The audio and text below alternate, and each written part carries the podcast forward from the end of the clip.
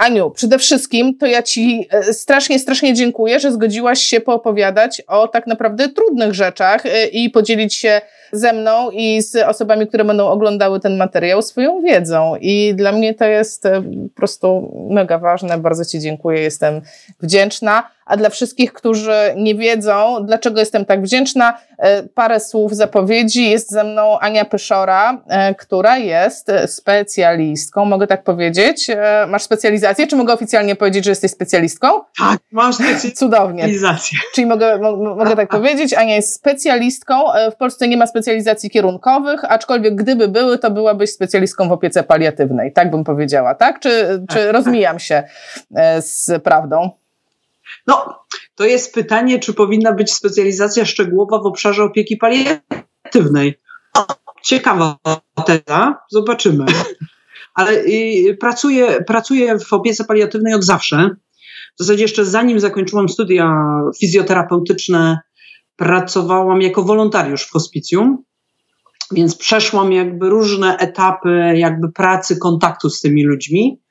Zaczynałam jako wolontariusz, potem studia, potem jakby uczelnia, też jestem pracownikiem e, Katedry Opieki Paliatywnej. Staram się uczyć młodych ludzi fizjoterapii w opiece paliatywnej. Na której uczelni na jest taka katedra? Na której, na której uczelni jest taka katedra? Ja nie miałam takiej, wiesz, na WF-ie. Kolegium, Kolegium Medicum Uniwersytetu Mikołaja Kopernika, Bydgoszcz. Uniwersytet jest Uniwersytetem Toruńskim, natomiast nasze kolegium powstało w wyniku przekształcenia Akademii Medycznej w Bydgoszczy. Natomiast, yy, natomiast do, katedra jest w pewnym sensie unikatowa. Jest kilka miejsc w Polsce, gdzie jest taka katedra, a przedmiot no, już dzisiaj funkcjonuje jako przedmiot obowiązkowy w ramach kształcenia na kierunku fizjoterapia.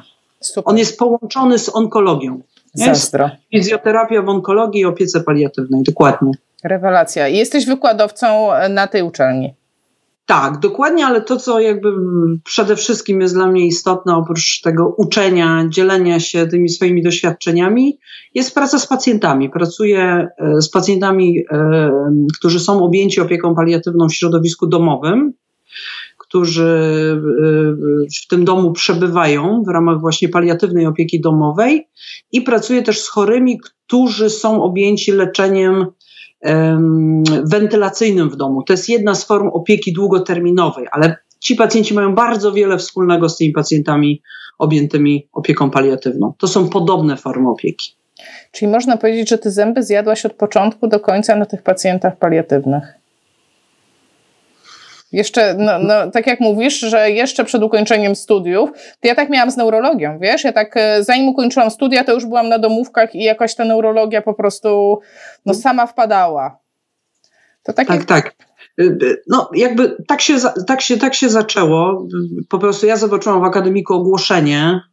Był jakby nabór na wolontariuszy w hospicjum, które było bardzo blisko akademika. No i mówię, dobrze, byłam przerażona bo miałam absolutnie takie, powiedziałabym, dość negatywne skojarzenia e, ze słowem hospicjum, e, ze sformułowaniem może opieka paliatywna nie do końca, e, ale postanowiłam jakby te swoje strachy przezwyciężyć i się tam udałam. I jakby bardzo szybko zobaczyłam, że moje przekonania na temat tego, co się tam znajduje i dzieje, są kompletnie inne od rzeczywistości. I zostałam.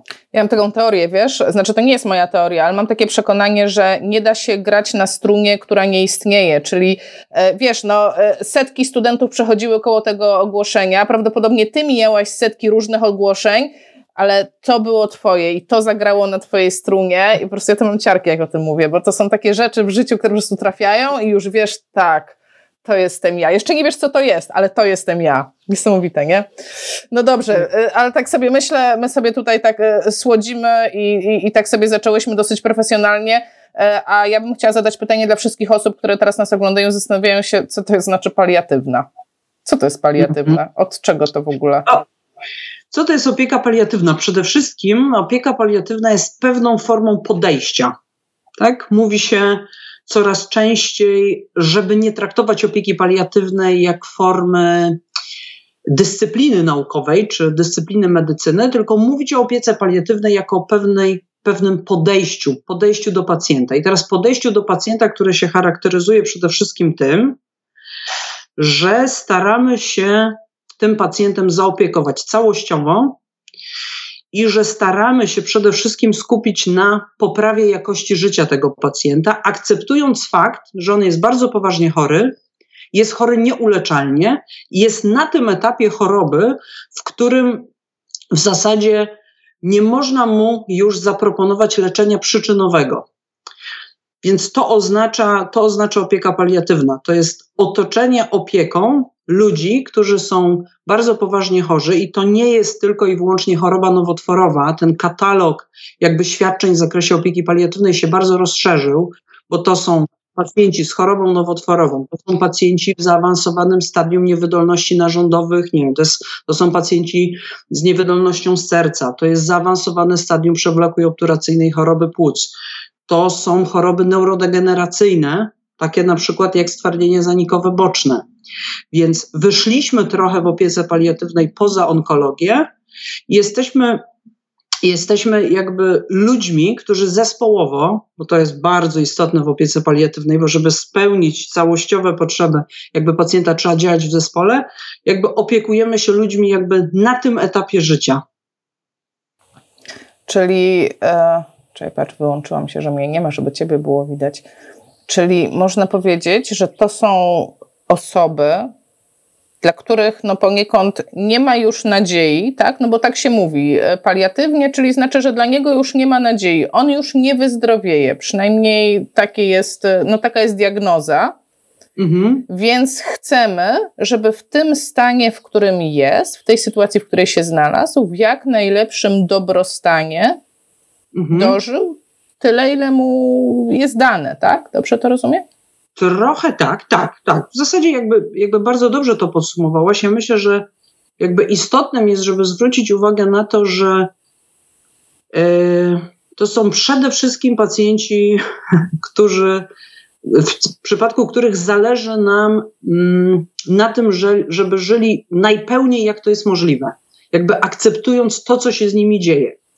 I teraz yy, ja jestem bardzo jakby ostrożna w kontekście sformułowań pacjenci, dla których nie ma już nadziei, bo jest zawsze pytanie o nadzieję na co. Tak? No, jak nie ma zupełnie nadziei na nic, to niedobrze, ale czasami tą nadzieją jest może jeszcze raz wyjście na zewnątrz, może zjedzenie razem obiadu, nie wiem, z kimś z rodziny, kto długo nas nie odwiedzał. Może jakaś rozmowa, może trzeba kogoś przeprosić, może chce się z kimś po prostu jeszcze raz o czymś pogadać. Więc ci ludzie mają nadzieję na różne rzeczy, tak? Tylko jeżeli mówimy też jakby wprost, czy jest nadzieja na wyleczenie? Nie, nie ma nadziei na wyleczenie u tych chorych, wyleczenie z tej choroby. Ale co ciekawe, ja kiedyś usłyszałam od takiego profesora w Nowej Zelandii, Roda McLeoda, który powiedział, Wy, fizjoterapeuci, w zasadzie jesteście paliatywistami wszyscy, bo wy bardzo często zajmujecie się ludźmi, których nie jesteście w stanie wyleczyć, ale niesamowicie poprawiacie komfort ich życia. Powodujecie, że oni zaczynają robić rzeczy, które do tej pory nie były możliwe. Dajecie im informacje, co mogą zrobić, a nie tylko skupiacie się na tym, co jest niemożliwe z powodu tego, co się dzieje. I w zasadzie ja pamiętam, to w pierwszym momencie było takie dla mnie bardzo zaskakujące, a potem myślę sobie, w sumie poza taką fizjoterapią jakby pourazową on ma mnóstwo racji, tak? My się co do zasady zajmujemy ludźmi, którzy są przewlekle chorzy i koniec końców nigdy, no zazwyczaj nie ma takiej sytuacji, że dochodzi do pełnego wyleczenia, tak? My osiągamy efekty, które powodują, że ci ludzie zaczynają świetnie funkcjonować, ale czy my ich, czy my doprowadzamy do wyleczenia ich choroby? No, rzadko. Powiem ci, ciarki mam, normalnie ciarki mam, jak to mówisz. Niesamowite. Nigdy o tym nie myślałam w ten sposób, ale rzeczywiście coś w tym jest. Faktycznie. Przecież nie wiem, głupi przykład zwyrodnienia, tak? Przecież nikt nie wyleczy tak. zwyrodnień, tak? One po prostu tak. są. No dobra. Dokładnie. Wróćmy do paliatywnych. Powiedziałeś, że mhm. pracujesz z nimi e, w rehabilitacji domowej, ale też powiedziałeś, że pierwsza praca była w hospicjum. To w końcu, e, co to jest za pacjent? To jest pacjent e, hospicyjny? To, to jest jakieś miejsce do przypisane, przypisane dla tych pacjentów? Gdzie oni się znajdują, tak fizycznie? Mhm. Jakby w Polsce jest bardzo, bardzo dobrze rozwinięta opieka paliatywna. Jesteśmy tutaj, budowaliśmy ten system w oparciu o wzorce brytyjskie. No, między innymi dlatego, yy, dlatego jakby są fizjoterapeuci w hospicjum.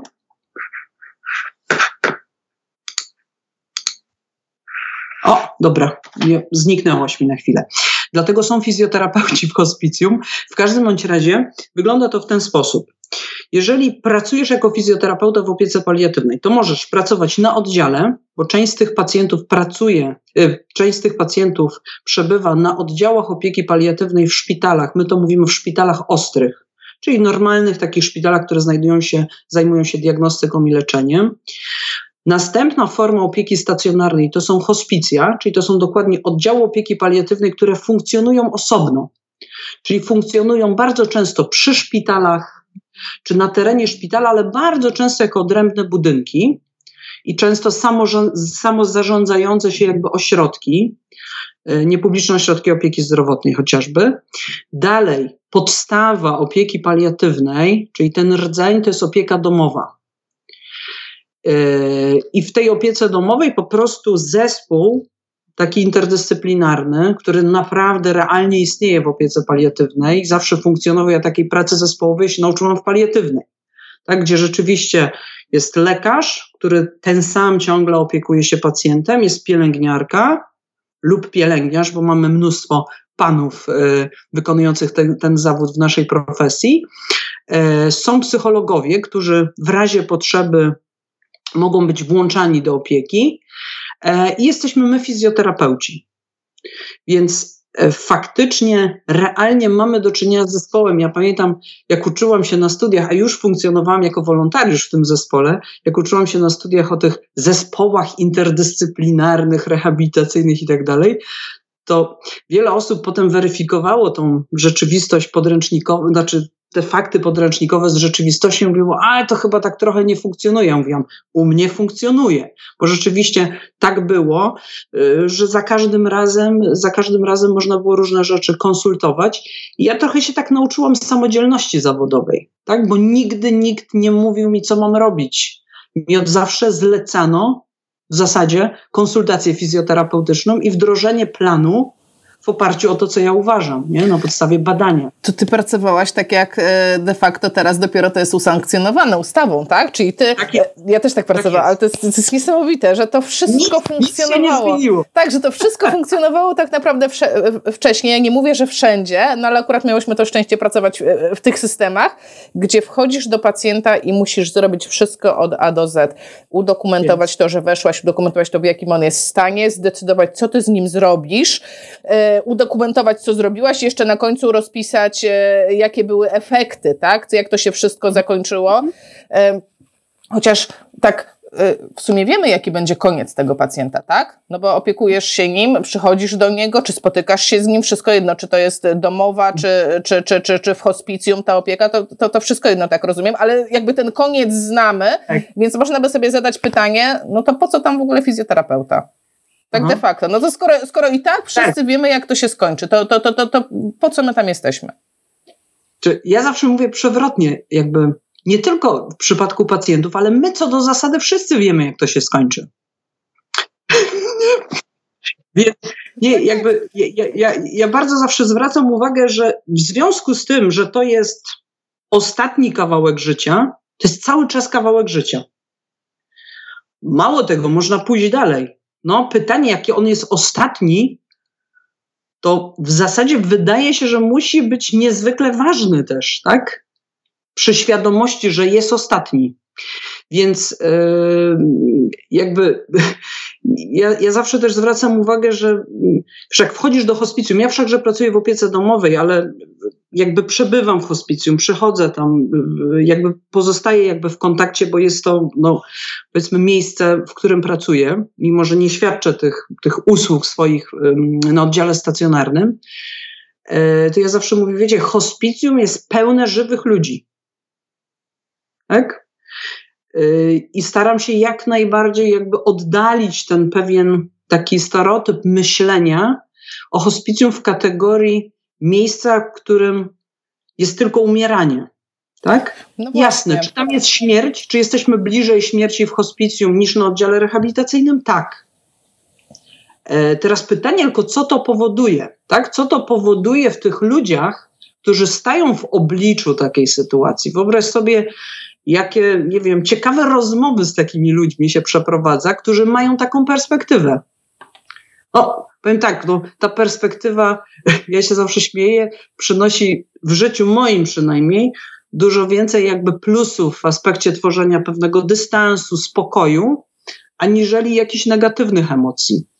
No właśnie, bo ja chciałam Cię o to zapytać, bo hospicjum kojarzy się strasznie negatywnie. Strasznie. Hospicjum to od razu e, w ogóle słowo hospicjum myślę, że dla wielu osób jest takim triggerem, takim włącznikiem wszystkiego, co negatywne. Właśnie to, co powiedziałaś, mnie się to strasznie podoba, e, jak to, jak to ujęłaś, że hospicjum jest pełne żywych ludzi e, bo w świadomości, myślę, funkcjonuje taki obraz, że hospicjum jest pełne śmierci, czyli że każdy z tych ludzi to on w tej chwili umiera. Teraz, w, te, w, tej sekundzie. Mhm. Wiesz o co mi mhm. chodzi? Że, że, że, że, że jest to takie poczucie, że, że jednak tam jest śmierć. Jasne. Oczywiście, oczywiście, że na oddziale opieki paliatywnej czy w hospicjum masz większe prawdopodobieństwo zetknięcia się ze śmiercią, tak? Niżeli na innych oddziałach. To oczywiście nie twórzmy też pewnego jakby obrazu, który będzie zniekształcony i, i, i nieprawdziwy, tak?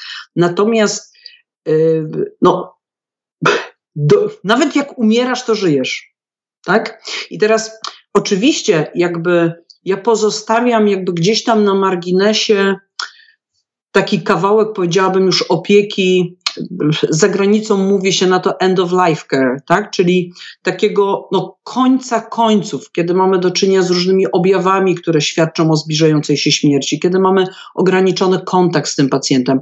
To niewątpliwie nie jest moment na wdrażanie, włączanie fizjoterapii, mimo że czasami my z tymi pacjentami pewne jeszcze rzeczy robimy w ramach Mm, zmniejszania pewnego dyskomfortu fizycznego, który towarzyszy temu procesowi.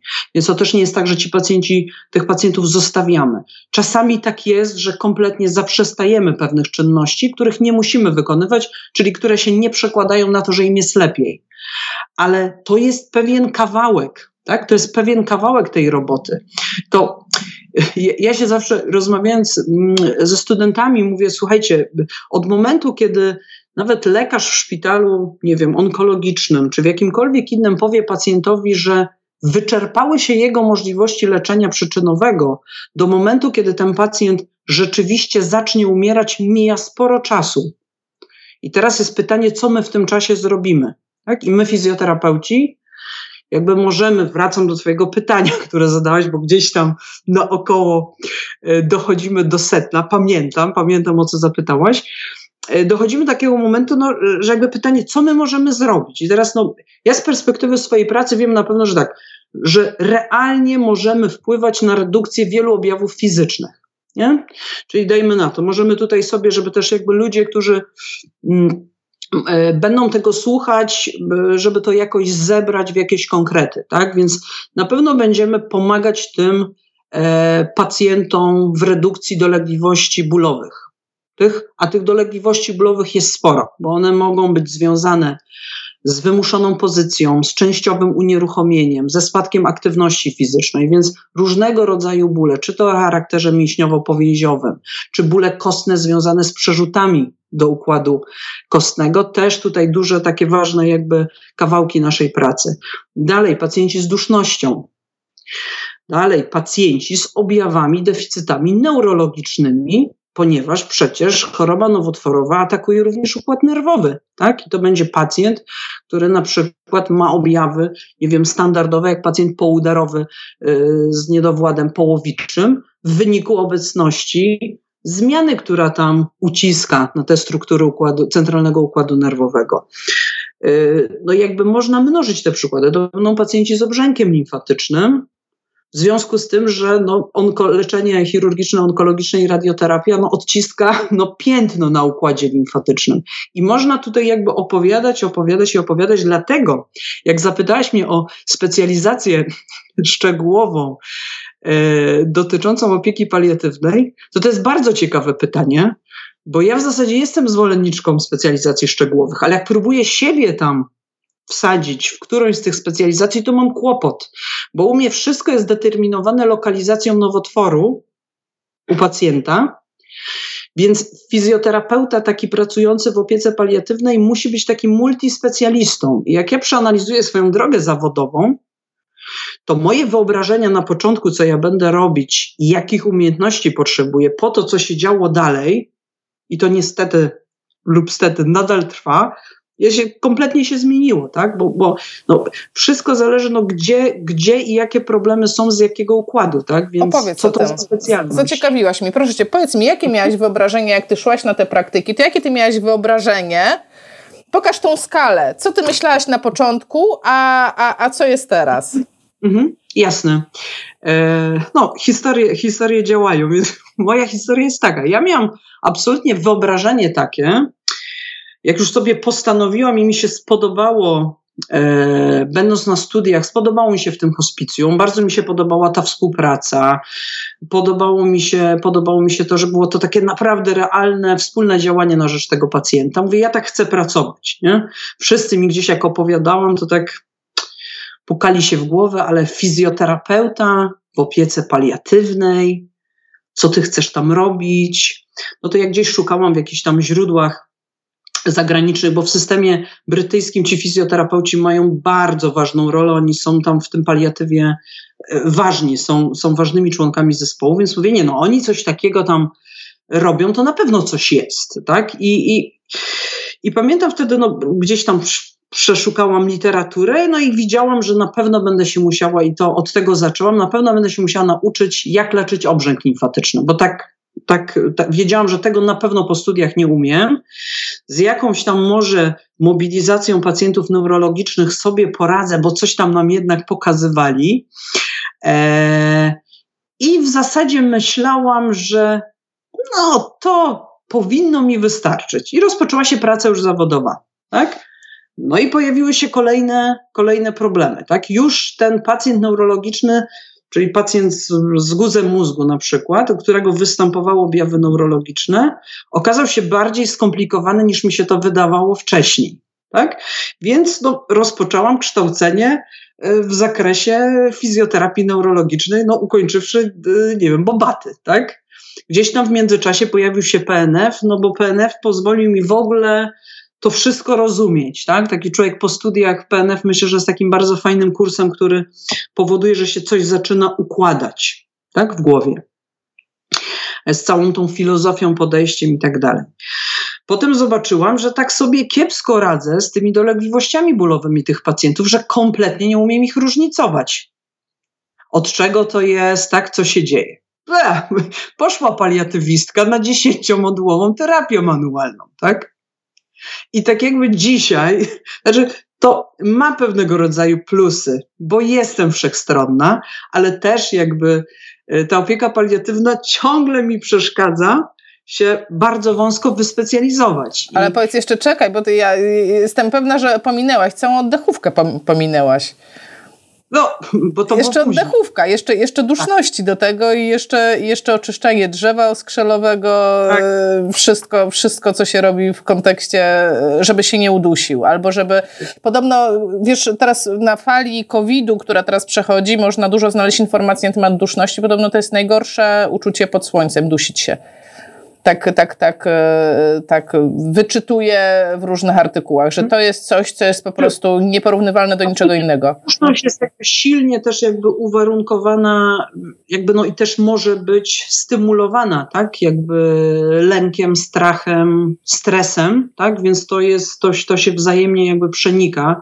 Z perspektywy pracy z pacjentami w opiece paliatywnej, no ta duszność jest zazwyczaj związana albo z nowotworami pierwotnymi układu oddechowego, czyli pacjenci z rakiem płuca, albo naciekaniem na te płuca, albo to są zaawansowani pacjenci, pacjenci zaawansowanym POHP, a jeszcze w ogóle inna bajka, to jest pacjent z SLA, czyli pacjent z chorobą y, neurodegeneracyjną, która, że tak powiem, upośledza oddychanie nie dlatego, że dotyka bezpośrednio płuc, tylko po prostu morduje mięśnie oddechowe. Tak? I teraz jakby podejście w, w kontekście fizjoterapii oddechowej jest kompletnie inne, bo ten pacjent ma inne problemy. Nie? I tak. tutaj ale fajnie, jest... że to poruszyłaś, wiesz, e, bo to jest coś, co ja mówię e, tak naprawdę, kiedy tylko mi się przydarzy okazja, to podkreślam to, jak macie pacjentów z SLA, ponieważ wiele osób ma takich pacjentów i nie wie, co z nimi robić tak do końca, więc są mhm. e, wrzuceni po prostu w taką klasyczną rehabilitację, jak chodzi, to nóżka w górę, nóżka w dół, takie klasyczne ćwiczenia, a ja mówię, słuchajcie, zacznij od tego, z czym ten pacjent będzie miał na samym końcu najwięcej problemów, róbcie oddechówkę od samego początku, bo to jest to, mhm. co na samym końcu będzie mu niosło najwięcej wartości. Jak zaniedbacie oddechówkę, to właśnie, to, to jakby może inaczej, jak od początku ten pacjent będzie wrzucany na e, wyższy poziom wydolności oddechowej, na, na kontrolę tego oddechu, to na samym końcu on ma większe szanse na lepszy komfort życia, na to, że będzie na przykład e, później zaintubowany, na to, że będzie mógł mieć założonego mhm. PEGA, bo nikt się nie będzie bał go znieczulić do założenia tego PEGA, tak? Takie, takie, takie proste rzeczy. A teraz ma tak, szansę jest, no. zweryfikować. tu jest jakby zawsze, tu jest zawsze jakby pytanie, nie? Ja, jakby ja staram się mm, jakby mieć, czy, czy, czy jakby pokazywać też, mówię tu pokazywać ludziom, no bo no, no jakby wykonuję tą pracę na rzecz młodych ludzi, którzy wchodzą jakby w ten zawód, więc w ogóle dlatego tak sobie tutaj mówię, że, że przekazuję. Bo, bo trochę jest tak, e, wiesz, Asiu, że, że my e, w neurologii e, po tych latach, gdzie byliśmy za żelazną kurtyną, poszliśmy bardzo do przodu, bo przyjechali ludzie z zagranicy, pokazali nam różne rzeczy, myśmy zaczęli wyjeżdżać. Teraz już mamy w zasadzie do czynienia z pokoleniem ludzi, którzy no, no sami są instruktorami, Polacy metod i tego jakby uczą. Natomiast Natomiast ta oddechówka została. I trochę jest tak, że jakby czy w neurologii, czy w, leczeniu szeroko rozumianych, nie wiem, dolegliwości bólowych ze strony układu ruchu, jest tak, że my umiemy badać, tak, przeprowadzamy wywiad, wnioskujemy coś z tego wywiadu, umiemy przeprowadzić różne testy prowokacyjne. Podobnie jakby w neurologii od, określamy jakieś hipotezy, co jest przyczyną problemu na końcu, który zgłasza pacjent, ale teraz jak się pojawia pa, pra, pacjent z problemem oddechowym, to no coś trzeba z nim porobić, nie? No to teraz i teraz hasło oddechówka. Co to jest oddechówka? No trzeba porobić, wie pani, ćwiczenia oddechowe. Ale o co chodzi, tak? Teraz jeżeli ja wchodzę i mam na wizycie domowej pacjenta z SLA i wiem, że to jest pacjent, u którego pojawia się wcześniej czy później niewydolność oddechowa, jakby w wywiadzie zwracam uwagę na, na to, jakby czy występują już u tego pacjenta objawy niewydolności oddechowej. I teraz, jeżeli pacjent ma objawy niewydolności oddechowej, to jakby pytam dalej i oceniam, tak samo jak oceniam ruchomość i siłę mięśniową innych części ciała, to sprawdzam, czy on ma efektywny kaszel.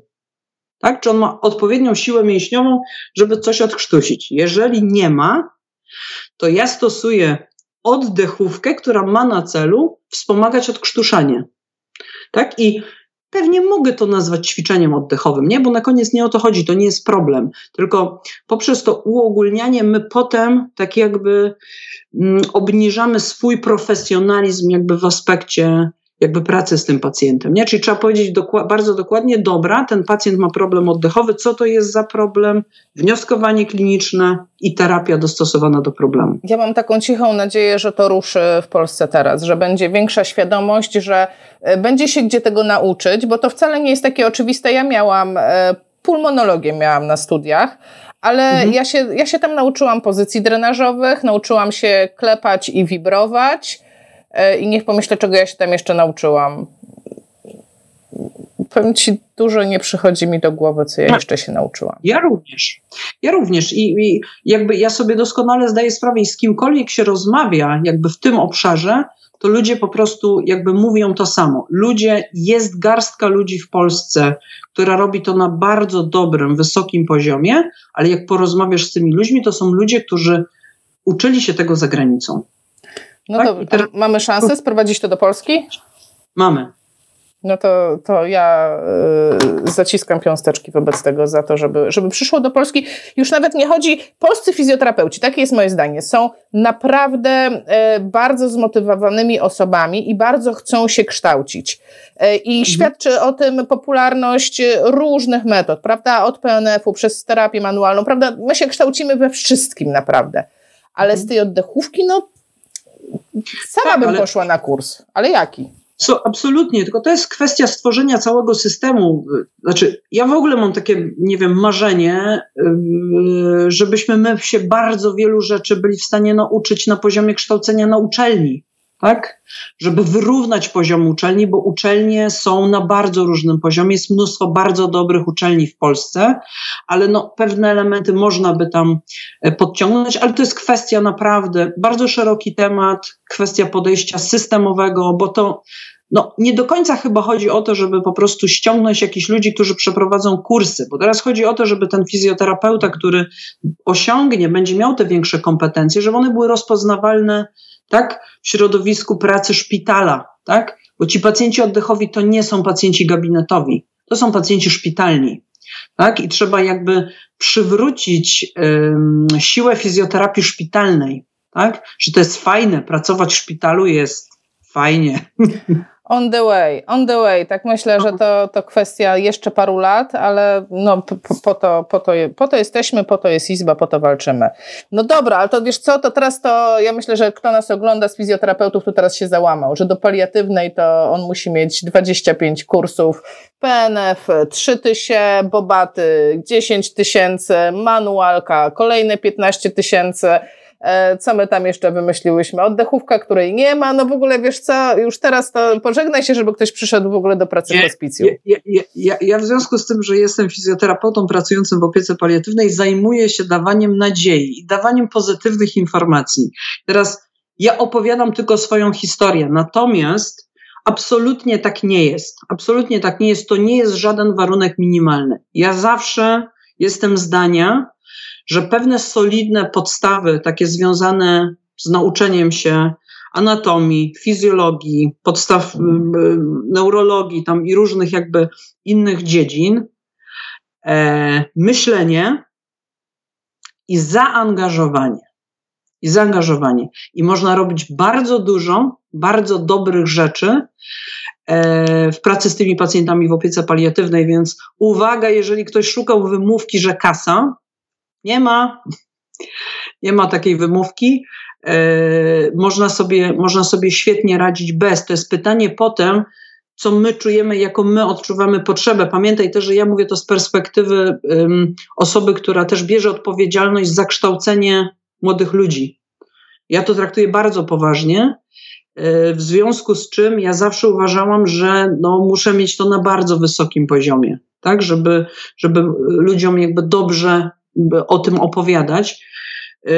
Ale, ale myślę, że można sobie spokojnie radzić. Ja znam bardzo wielu terapeutów pracujących w Polsce w opiece paliatywnej bez takiej ilości ukończonych szkoleń i wydanych pieniędzy, którzy świetnie pracują i wykorzystują pewne elementy. Dzisiaj mamy też, y, wiesz, z dużych metod sporo małych kursów, tak, które są na bardzo wysokim poziomie i można sobie czerpać znacznie, wydając znacznie mniej pieniędzy po prostu na to to jakbyś miała określić takie, taki jakby pakiet minimum, co mhm. warto, na co warto poświęcić czas, bo ja uważam, że czas jest tą wartością tak naprawdę mhm. e, najwyższą w życiu fizjoterapeuty, bo my mnóstwo czasu poświęcamy na pracę, w związku z tym jak decydujemy się, że ja mhm. teraz poświęcę 20 godzin, dajmy na to, z mojego życia na edukację, e, to jakich ja kompetencji powinnam szukać, co ja powinnam nabyć, żeby jakby jak najlepiej wejść w tą paliatywną, no bo ja rozumiem, że mogę wejść też po studiach, że to też będzie jakiś tam sposób, no ale mogę wejść lepiej, mogę wejść w gorzej. To w co zainwestować mój potencjał? W co zainwestować? Nie wiem, szukać kursów. E, co ja powinnam umieć w ogóle? Co jest ważniejsze? Może inaczej. Wiesz, robiłam live niedawno o kompetencjach twardych i miękkich, tak? Więc tak. to, co mówiłyśmy w tej tak. chwili, e, to było w, w, kontekście kompetencji twardych, tak? Kursy, umiem tak. to, umiem neurologię i to są wszystko twarde. No ale może te miękkie też mają znaczenie. Jak ty radzisz? Jaki powinien być ten fizjoterapeuta hmm? paliatywny? Dobra, bo tu jakby pojawia się kolejny temat kompetencji miękkich, które są niezwykle, to znaczy, ja nie wiem, czemu one się nazywają miękkie, to jest jakaś, nie wiem, ciekawa sprawa, ale jakby wrócimy do tego. Generalnie, jakby skąd się uczyć?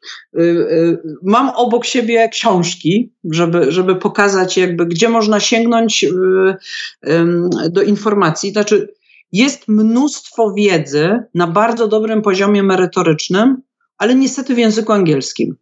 Ale myślę, że jakby współczesny fizjoterapeuta może bez umiejętności idealnej jakby języka może sobie przy tych obecnych narzędziach, które funkcjonują, świetnie radzić z tłumaczeniem takich tekstów i tak dalej. Więc ja gorąco polecam literaturę brytyjską, jeżeli chodzi o jakby uczenie się opieki paliatywnej, fizjoterapii w opiece paliatywnej. Jest mnóstwo bardzo cennych informacji. Za kompletnie, że tak powiem, za darmo są takie serie. O, widać, chodzi mi przede wszystkim o to, żeby było widać nazwę. To jest Macmillan Cancer Center. To jest taka organizacja, która przygotowuje szereg materiałów dotyczących leczenia różnych objawów związanych z chorobą nowotworową i to są materiały dedykowane pacjentom, ale one są na bardzo wysokim poziomie merytorycznym, więc myślę, że taki początkujący fizjoterapeuta po prostu się bardzo dużo nauczy na temat fizjoterapii w opiece paliatywnej na podstawie tych materiałów, które są dedykowane e, pacjentom. Jeżeli chodzi o jakby tematy związane z chorymi na nowotwory, to no, ten podręcznik jest z 2013 roku, ale to jest bardzo dobry podręcznik, jeżeli chodzi o fizjoterapię w onkologii, napisany przez pana profesora Marka Woźniewskiego, który był e, niezwykle ważnym podręcznikiem, ponieważ pokazywał ludziom, fizjoterapeutom pracującym z pacjentami chorymi na nowotwory, jak dużo rzeczy mogą robić. Bo wokół onkologii jest kolejna, że tak powiem, mgła takiej niepewności, czy oby na pewno, czy można, nie można, nie wchodźmy, bo to będzie kolejny temat. Tak, nie dotykać, nie dotykać. E, powiemy tak, e, ja tylko powiem tak, zostawimy ten temat na etapie nie dotykać, ale ironicznie, bo dotykać jak najbardziej tylko trzeba umieć, tak? E, wycofujemy się już z tego, co, bo, bo to było takie podejście, tak? tak. Umówmy się, ono wciąż pokutuje, że nie dotykać. E, jest nieaktualne, tak? To dementujemy i zostawiamy, tak? Bo ja tak... tak kiedy... Absolutnie racjonalne podejście, środki ostrożności, przeciwwskazania, różne rzeczy, na które trzeba zwrócić uwagę, ale to są pacjenci, którym, no, dla których fizjoterapia jest bardzo, bardzo ważna i niesie wiele korzyści. Więc to był ważny podręcznik, był podręcznik, który się pojawił chyba w 2013 roku, no i tam namieszał, namieszał trochę. No, nie, nie, nie wszystkim do tej pory się podoba. Yy, w tym samym chyba krótko po nim pojawił się pierwszy, w zasadzie drugi w Europie podręcznik na temat fizjoterapii w opiece paliatywnej po polsku. Więc to myślę, że to, jest podręcznik z 2013 roku, ale on mm, wymaga pewnych aktualizacji. Ja już dzisiaj wiem, żebym pewne rzeczy zupełnie inaczej w tym podręczniku opisała. E, my go stworzyliśmy razem z Agnieszką Wójcik e, która jest z Warszawy. Więc e, do współpracy zaprosiliśmy też e, fizjoterapeutów pracujących w warszawskim hospicjum, więc to była taka praca, praca zbiorowa. No myślę, że na tamten czas bardzo ważny kawałek wiedzy. Myślę, że dzisiaj troszeczkę do aktualizacji, więc to po polsku. Bardzo dobry podręcznik brytyjski, który się pojawił na trzy miesiące przed tym naszym polskim. Zmutowałam się, żeby mnie nie było słychać, jak tutaj zapisuję, żeby wszystkie te linki ja wstawię na dole, dlatego tak e, piszę intensywnie i mówię, ale w topa, bo tak to wasz byłby pierwszy. Nie, nie ma problemu. Tak jakby. Potential and Possibility Rehabilitation at End of Life. Dobrze. Mm też praca, praca zbiorowa e, bardzo ciekawa. Czy, czy wiesz, to, to są w ogóle, to znaczy, mówimy o historii fizjoterapii w opiece paliatywnej. To jest pierwszy podręcznik na świecie, to co trzymam w ręku, tak? Nie było, nie, nie było czegoś takiego. Znaczy opieka paliatywna rozwija się od niedawna, tak? Pierwsze hospicjum, o, bo może tak damy ludziom, że tak powiem, e, taki punkt odniesienia. Pierwsze hospicjum to jest hospicjum londyńskie, 67 rok, czyli co tam, 53 lata. To jest świeża sprawa. Tak. Yy, no, no i, no i takie, takie Biblie. Rozumiem, że jakby część osób y, może być jakby zainteresowana, żeby sięgać gdzieś głębiej. Y, no, to jest Biblia, oksfordzki podręcznik opieki paliatywnej, który się tam y, co roku pojawia nowy, w którym zawsze, od zawsze był rozdział dotyczący fizjoterapii i rehabilitacji w opiece paliatywnej. Nie? Bo oni, Brytyjczycy, tak pięknie to mają uporządkowane i te dwa pojęcia ro rozróżniają słusznie. No i Biblia amerykańska e, Cancer Rehabilitation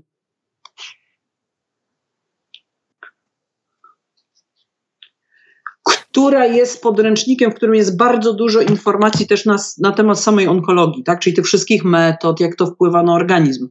Ale mm, ja myślę, że bardzo ważnym kawałkiem w pracy, jeżeli chodzi o wiedzę, czyli y, tym, co można jakby zdobywać bez wydawania pieniędzy, jest jest zdobywanie wiedzy też klinicznej, medycznej na temat tego, co się z tymi ludźmi dzieje.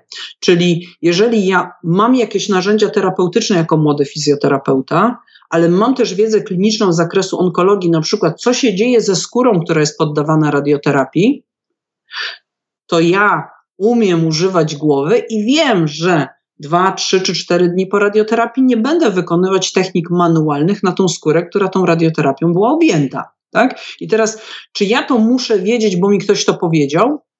To jest droga na skróty. Tak?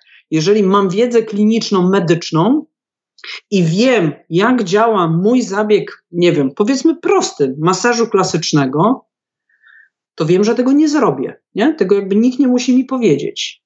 A my jesteśmy zawodem ludzi niezwykle mądrych, więc będziemy sobie radzić ze wszystkim. Y, więc to, to, z książek, tak? Jest mnóstwo jakby artykułów y, w otwartym dostępie na temat y, fizjoterapii w opiece paliatywnej. Hospicja w Wielkiej Brytanii mają mnóstwo materiałów, tak? Czyli na początek myślę, że jak ktoś. Ja mam taki folder, w którym zbieram materiały. Jeszcze nigdy nie było takiej sytuacji, że mi się skończyły. Więc więc jakby nie, nie ma problemu. Więc jak ktoś się chce uczyć, to, to jakby jest taka możliwość. I ja zawsze mówię, yy, znaczy tak, najpierw, znaczy idź do pracy. Mnie strasznie jakby irytuje, jak słyszę, jak czasami mm, ludzie rozpoczynający pracę zawodową mówią, że, że mają problem z pracą, bo pytają, jakie mają kursy skończone. Ja y, zaczęłam kursy z opóźnieniem, myślę, w porównaniu ze swoją grupą, nie wiem, rocznikową, z opóźnieniem pięcioletnim. Tak, bo na początku powiedziałam, że ja się będę rozglądać. Zrobiłam sobie te rzeczy, które były dla mnie niezbędne, a potem robiłam to, co widziałam, że potrzebuję pod kątem tego, co potrzebują moi pacjenci. Tylko różnica polegała na tym, że jak ja już potem pojechałam pięć lat mądrzejsza na te szkolenia, to byłam w stanie w ogóle weryfikować, co ci ludzie do mnie mówią. Bo byłam w stanie w ogóle w jakikolwiek sposób skorzystać z tego, co oni mówią i zadawać różnego rodzaju pytania, co no, niejednokrotnie demaskowało. Co ty okropny kursant byłaś, taki najgorszy typ, co pyta i jeszcze zna się na temacie, o który pyta. Zna się jak zna się, czy najgorszy. Znaczy, to zawsze jest kwestia osobowości e, instruktora. No, e, ja zawsze mówię, że no, do pytania świadczą o poziomie zaangażowania i, że tak powiem, uczestnictwa tego, że tak powiem, zainteresowanego. Znaczy, ja tam, ja tam lubię, jak ludzie pytają, nie? Ja tak sobie myślę w ogóle, wiesz, że jeśli chodzi o tą pierwszą pracę, bo to jest takie, e, ja, ja pamiętam sama, chyba się w ogóle, każdy chyba pamięta tą pierwszą pracę. Ty pamiętasz to hospicjum, e, ja pamiętam podjęcie pracy w Konstancinie, ja też tam szłam bez kursów. I e, pomimo tego, że co do zasady Konstancin wymagał posiadania kursów, to nie było problemu z tym, że ja zaczynam pracę bez kursów, ale co potem przewijało się przez wszystkie lata i kiedy już później ja uczestniczyłam y, jako, jako ta druga strona, tak? Przyjmiemy tą osobę, czy nie przyjmiemy, to co się liczy? zaangażowanie i czy ta osoba chce, czy ona, czy ma ten błysk w oku, tak, fizjoterapia, tak, tak, it's me, tak, tak, weźcie mnie, bo to jest, to jest coś, czego cię nie nauczą na szkoleniach, tak? A szkolenia, ja się zgadzam tak jak ty, ja na przykład do tej pory nie zrobiłam żadnej terapii manualnej, bo po prostu mm. no, nie czuję, żeby to było moje. Nie jest mhm. mi to jakoś szczególnie do niczego potrzebne. Radzę sobie inaczej, tak? Za to zrobiłam inne rzeczy, które są mi potrzebne. Że, jakby taki typ. Ja musiałam zrobić, żeby się dowiedzieć, że nie potrzebowałam. Ja widzisz? No, no to, to, to, tak? to jakby, nie, ale jakby to jest, no, no to jest jakby wybór drogi, tak? Ale, ale no, no, no mówię, no jakby, ale ach, no du, dużo by mówić, ale to, to mm, jakby yy, w zasadzie zaangażowanie. Zaangażowanie i chęć. Tak, o, to jest, jest podstawa. A powiedz mi, robiłaś jakieś kursy takie, e, które pomagają ci e, tak jakby psychologicznie? No bo jednak, e, tak jak powiedziałaś na początku, to jest trudny kawałek chleba, tak? E, hospicjum jest, zetkniesz się ze śmiercią częściej.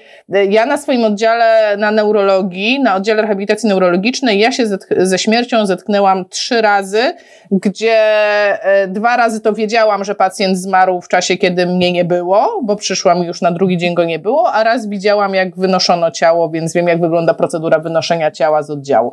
I to jest koniec mhm. mojego doświadczenia z, ze śmiercią. No i tam parę śmierci takich y, y, na domówkach, ale to jest, to się sprowadza do tego, że dostajesz telefon, proszę nie przychodzić następnego dnia. Tak, tak, tak, tak, tak, tak. A, to znaczy, mm, praca, y, jakby, znaczy, praca w opiece paliatywnej niewątpliwie wymaga mm, kompetencji komunikacyjnych, dobrych kompetencji komunikacyjnych. I to jak każdą rzecz w życiu, że tak, niektórzy mają mniejszy lub większy talent do tego, inni muszą się tego bardziej uczyć, natomiast jakby to jest bardzo ważna kompetencja. Znaczy ja jestem zdania, że to jest w ogóle kompetencja ważna w każdym obszarze życia, kiedy jeden człowiek styka się z drugim człowiekiem. E, no w opiece paliatywnej stykasz się z człowiekiem, który jest no, w wyjątkowej sytuacji, jakby nie patrzeć, więc jest to bardzo istotne. W kwestii radzenia sobie z tymi stratami e, tych ludzi, z tym, że ci pacjenci odchodzą, to chyba trochę jest tak, że od początku wiesz, że to jest pacjent no, z jakąś ograniczoną w czasie perspektywą życia. I to chyba w jakiś sposób zmienia to, to tak sobie tłumaczę, że myślę, że się chyba to wie, więc gdzieś tam w naszym środku jesteśmy w pewnym sensie na to przygotowani, no bo to nie, nie, jesteśmy też w tak bezpośredni sposób zaangażowani, jakby to był członek naszej rodziny, bo na taką sytuację no, nigdy się nie przygotujemy. Teraz jest pytanie też potem w pracy zawodowej, mm, jakby co jest moim celem, co jest priorytetem i co mi robi. No to ja miałam bardzo dużo takich jakby też refleksji, czy może ja powinnam przesunąć się gdzieś indziej, zacząć pracować um, z, z, ludźmi, którzy, którzy żyją dłużej, tak?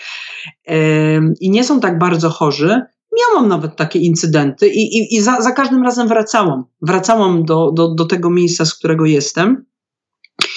Bo yy, wiesz co, paradoksalnie miałam zawsze poczucie największego znaczenia tego, co robię w pracy z tymi ludźmi. To znaczy, miałam poczucie wpływu, miałam poczucie, że robię coś niezwykle ważnego dla drugiego człowieka, tak? To robi człowiekowi, nie? Jakby chcemy, chcemy robić rzeczy, które mają znaczenie. I paradoksalnie, będąc zew na zewnątrz tego świata, może opieki paliatywnej, może się wydawać to, jeżeli wartością jest życie, zdrowie i takie różne jakby atrybuty no, fajne, tak? Tego, tego, tego, tego życia, które wszyscy chcemy wieść w jak najfajniejszy, najwygodniejszy sposób, ale jeżeli to jest główna wartość, no to jest trochę kłopot. Ale jeżeli wartością Twoją, a moja w pewnym momencie ja sobie to uzmysłowiłam, jest, że ja chcę robić coś, co dla ludzi jest ważne. No i mi się wszystko zgadza. To znaczy, ja, ja to robię. Ja to robię, mam że tak powiem, feedbacki, mam informacje zwrotne, że to, co robię, jakby jest ważne, że ludziom zmienia życie. A to, że to jest ten kawałek życia, a nie ten w pediatrii, to już jest jakby zupełnie inna, zupełnie inna kwestia. Wiesz, jest, jest coś takiego bardzo jakby specyficznego w pracy jakby z ludźmi, którzy są w wyjątkowo trudnej sytuacji. To, jest, to są ludzie, którzy no, zazwyczaj jak ich spotykamy, to oni w przeciągu ostatnich kilku miesięcy lub kilku lat, bo różnie to leczenie wygląda, oni mają na swoim koncie mnóstwo strat, tak? Oni się musieli z różnymi rzeczami żegnać. teraz jakby jak pojawia się w ich środowisku fizjoterapeuta, to fizjoterapeuta jest człowiekiem, który może im dać coś innego, tak? To, że może im dać realną nadzieję.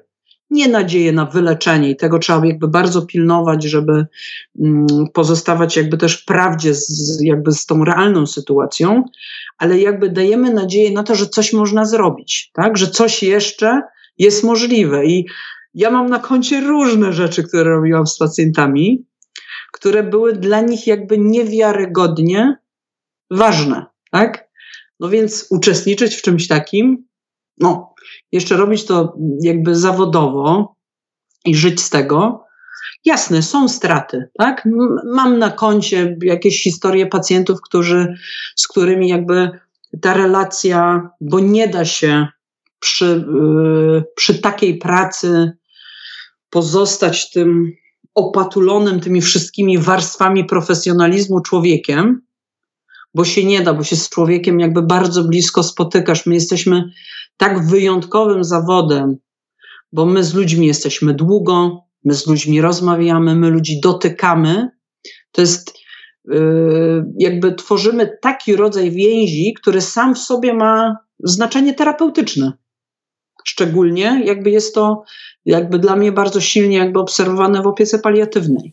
Nie? To jest bardzo istotne przynosisz te rzeczy do domu? W tym sensie e, pytam mentalnie, tak? Ponieważ to są często trudne sytuacje.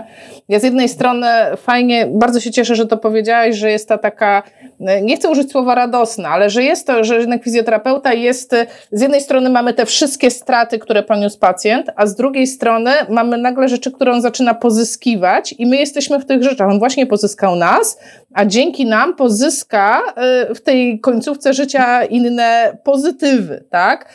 Ja kiedyś miałam, kiedyś no, notabene, miałam pacjentkę, e, rozmawiałam z panią doktor, która jest e, onkolog, hematolog dziecięcy. I ja pytam się, jak pani sobie radzi z tym? Przecież to jest jakiś koszmar w onkologii dziecięcej pracować. W ogóle ona mówi nie, wręcz odwrotnie. 80% e, białaczek u dzieci jest wyleczalnych ja jestem, ja się czuję jak bogini, kiedy te dzieci zdrowieją. To jest jak dawanie nowego życia każdego dnia. I rzeczywiście, tak sobie myślę, kurczę, że szklanka może być do połowy pełna, do połowy pusta, zależy od której strony spojrzymy. I teraz pokazałaś tak, po prostu tak pokazałaś tą szklankę pełną, że aż chce się hmm. pracować w, w opiece paliatywnej. No ale nawet, prawda, no bo jest, jest też ta ciemna strona, że widzisz nieszczęścia ludzi, już pomijam, że to są nieszczęścia w związku z chorobą, ale Mam na myśli, nie wiem, osoby porzucone przez rodzinę, osoby, e, gdzie denerwujesz się na samą sytuację. To są, to są najczęściej sytuacje, gdzie piszą do mnie e, osoby, które dopiero zaczynają pracę i, i piszą: Aśka, widzę, że nie wiem, e, rodzina nie zajmuje się, mają wywalone na tego chorego. Ja się jestem, jestem jedyną osobą, która się przejmuje. Pielęgniarki, nikt się nie przejmuje, tylko ja się przejmuję. Takie mamy poczucie. Ja nie mówię, że ono jest prawdziwe, ale często jest takie hmm. poczucie i bardzo łatwo mhm. to przynieść do domu i siedzieć i rozmyślać, Matko Boska, jak jest strasznie źle. Czy, czy ty masz coś takiego w ogóle? A jeśli masz, to czy, czy radzisz sobie? No nie wyobrażam sobie, żeby, żeby nie, dało się nie przynieść do domu mhm. nieszczęścia innych. No, y, jakby bardzo ciekawe jakby pytanie w zasadzie wzbudzające moją refleksję, bo czy przynoszę pewne rzeczy do domu? Tak. Czy rozmawiam o pewnych rzeczach związanych z pracą w domu? Tak. Czy to rujnuje moje życie rodzinne? Nie wydaje mi się, bo jest udane. E, na pewno, na pewno dom, tak, życie osobiste jest, y, jest pewnego rodzaju odskocznią. Są pewne rzeczy, których nie robię, bo bym sobie z nimi nie poradziła. Jedną z takich rzeczy jest chodzenie na pogrzeby pacjentów, tak? Ponieważ jakby to jest trochę tak, że dla mnie oni są żywi. Y, to znaczy, oni po prostu się przenieśli. Tak? Pamiętaj, że jakby ja ich, mm, tak jakby ja ich mam w jakby w mocy, to znaczy w możliwościach. I kiedyś y, ja zawsze mówiłam, opowiadając o fizjoterapii chorych z SLA, mówię, słuchajcie, trzeba tak jakby pilnować, żeby tym pacjentom mówić, że my poprawiamy im jakość życia, ale nie wyleczymy ich z choroby, to znaczy my ich nie możemy, my ich nie możemy uleczyć. Kiedyś pani profesor która zajmuje się opieką paliatywną, powiedziała: Ja myślę, że wy właśnie doprowadzacie do uleczenia tych chorych, chociaż nie doprowadzacie do wyleczenia. To jest, po polsku jest to trudno powiedzieć, to jest kwestia cure and healing. Tak? Czyli to jest bardzo istotna różnica, bo y, wielu pacjentów odchodzi uleczonych. Tak? I naprawdę mamy realny wpływ na to, pracując jakby w zespole jako ludzie, żeby to zrealizować. To jest, to jest praca wielu ludzi. Nie mówimy tutaj dużo o fizjoterapii, ale takie no, ogarnięcie, mówiąc kolokwialnie, tego pacjenta w całości to jest praca interdyscyplinarna. Nie? I tutaj w zależności od tego, jak się ułożymy w tych zespołach, czy się dogadujemy, czy się lubimy, yy, to też wpływa potem na jakość, nie? jak to wygląda. Kwestia rodziny, którą, którą też no, obejmujemy jakby opieką, tak? Więc jest niezwykle jakby też istotny kawałek. Aniu, piękna, piękna rozmowa nam wyszła, wiesz? E, tak jak sobie myślę, e, oczywiście miałam zapisane pytania takie, takie, o co ja będę pytać, ale ja się nie spodziewałam, że to pójdzie w tę stronę, że to będzie, że to wyjdzie takie ładne zakończenie. Spodziewałam się, że będzie, że, że będą łzy. No ja się nie, nie, no, powiem ci, nie pomyślałam, że z paliatywnej można się cieszyć, że można powiedzieć tak, ja yy, uzdrawiam tego pacjenta przynajmniej w tym znaczeniu takim nie wiem jak to, nie wiem jakiego słowa użyć, jest, mentalnym, tak, w tym mentalnym mhm. znaczeniu, że jednak e, pomimo tego, że wciąż jest chory na swoją chorobę, to może, e, to może jest w stanie się przygotować i spożytkować ten czas, który mu został mhm. e, w, w wartościowy sposób, tak po prostu. Tak, tak. Posłuchaj, bardzo Ci dziękuję za tą godzinę. Wiesz, godzinę, żeśmy przegadały, tak chciałam Ci powiedzieć. Ja wiem, ja wiem. Żadne 15 minut. Tak, bardzo Ci dziękuję. E, dla wszystkich osób, które nas oglądają, to tutaj na dole wstawię te linki, o których mówiła Ania. E, jeśli coś w międzyczasie nam się pojawi nowego do wstawienia linków, to oczywiście je tam dostaniecie. I no cóż, zachęcamy do poszerzenia swojej wiedzy i nie obawiania się opieki paliatywnej i szczególnie dla osób, które studiują, a często są takie pytania, jak mogę się przygotować do fizjoterapii, a co mogę zrobić, kiedy jeszcze nie mam uprawnień? Iść na wolontariat do hospicjum. Mhm. Iść na wolontariat. Jak najbardziej. Bardzo tak. dziękuję. Dzięki, Aś. Pozdrawiam. A.